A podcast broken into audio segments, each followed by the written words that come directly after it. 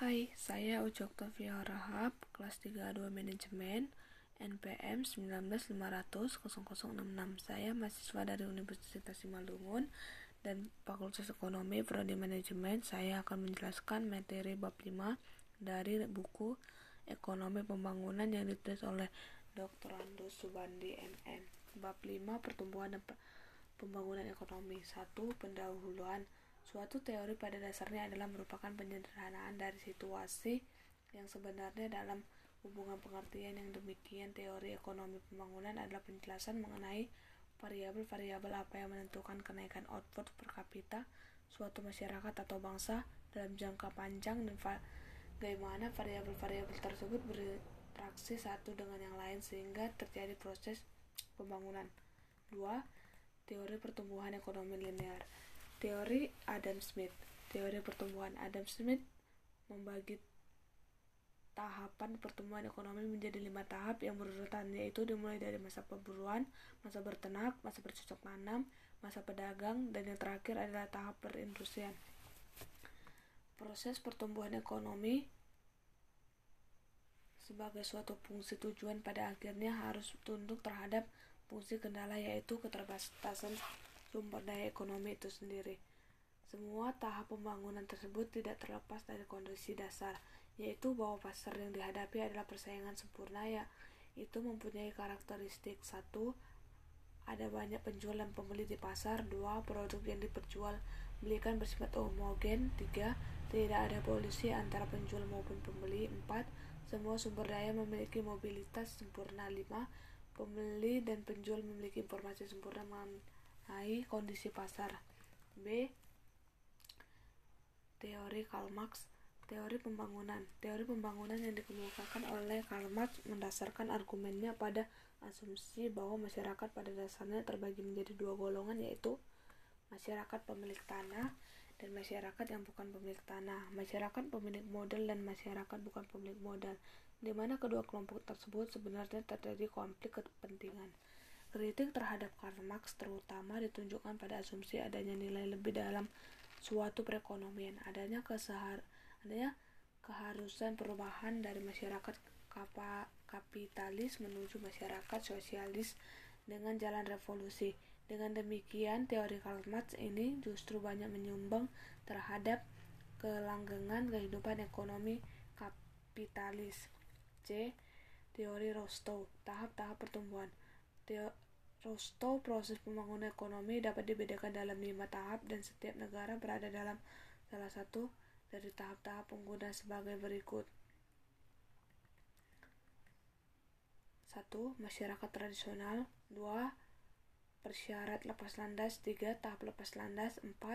Tahap gerak menuju kematangan 5. Tahap konsumsi mata masa tinggi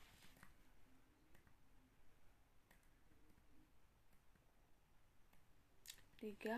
Teori perubahan struktural Teori Boeke tentang dualisme sosial Pengertian dualisme sosial mula-mula dicetuskan oleh Boeke yang menyatakan bahwa dalam suatu masyarakat terdapat dua sistem yang sangat berbeda. B. Teori pembangunan Arthur Lewis Dualisme ekonomi Teori ini pada dasarnya membahas proses pembangunan yang terjadi antara daerah, perkotaan, dan perdesaan yang mengikut sertakan proses urbanisasi yang terjadi di antara kedua tempat tersebut. Teori ini membahas pola investasi yang terjadi di sektor modern dan termasuk juga sistem penetapan upah yang berlaku sektor modern yang akhirnya berpengaruh besar terhadap arus urbanisasi yang ada. Teori Lewis dikembangkan melalui pengkajian permasalahan tersebut di atas dengan didasarkan pada asumsi-asumsi sebagai berikut. 1. Perekonomian tertutup.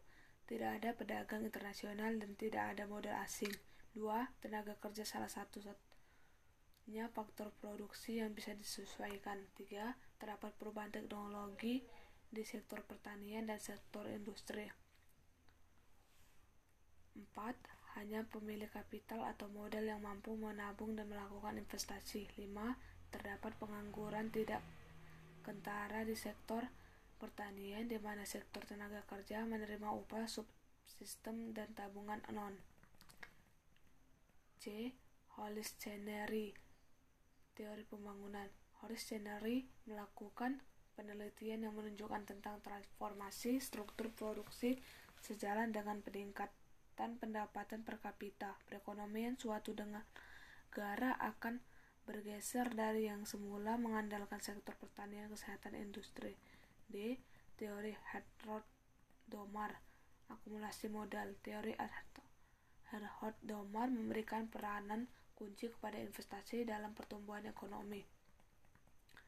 Hartrod Domar mengembangkan teorinya berdasarkan beberapa asumsi antara lain sebagai berikut.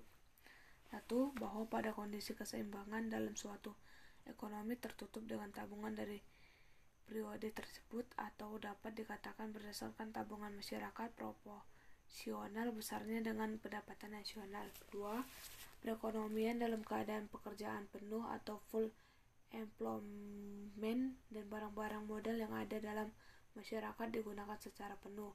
Tiga, perekonomian terdiri atas dua sektor, yaitu sektor murah, yaitu sektor rumah tangga dan sektor perusahaan yang berarti pemerintah dan pedagang luar negeri tidak ada.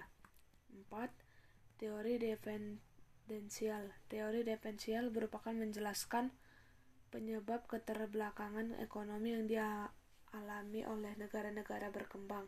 Asumsi dasar teori ini dapat pembagian perekonomian dunia menjadi perekonomian negara-negara sedang berkembang. 5. Teori neoklasik penentu revolusi. Tampaknya teori ini hanya tepat di diterapkan di negara-negara yang maju daripada negara-negara sedang berkembang karena konsep pedagang bebas, laissez faire dan pasar persaingan. 6.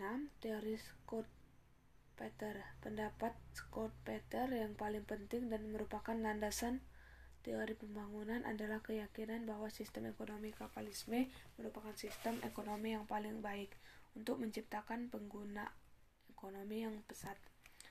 Truk Vetter, kunci utama dalam perkembangan ekonomi adalah proses inovasi dan pelakunya adalah para inovator atau wira swasta entrepreneur di samping mampu meningkatkan keuntungan dan kenaikan standar hidup masyarakat atau total output juga mampu menangkan dalam persaingan untuk memperoleh kedudukan monopoli. Oke, baiklah. Ini dari hasil penjelasan penjelasan saya. Terima kasih.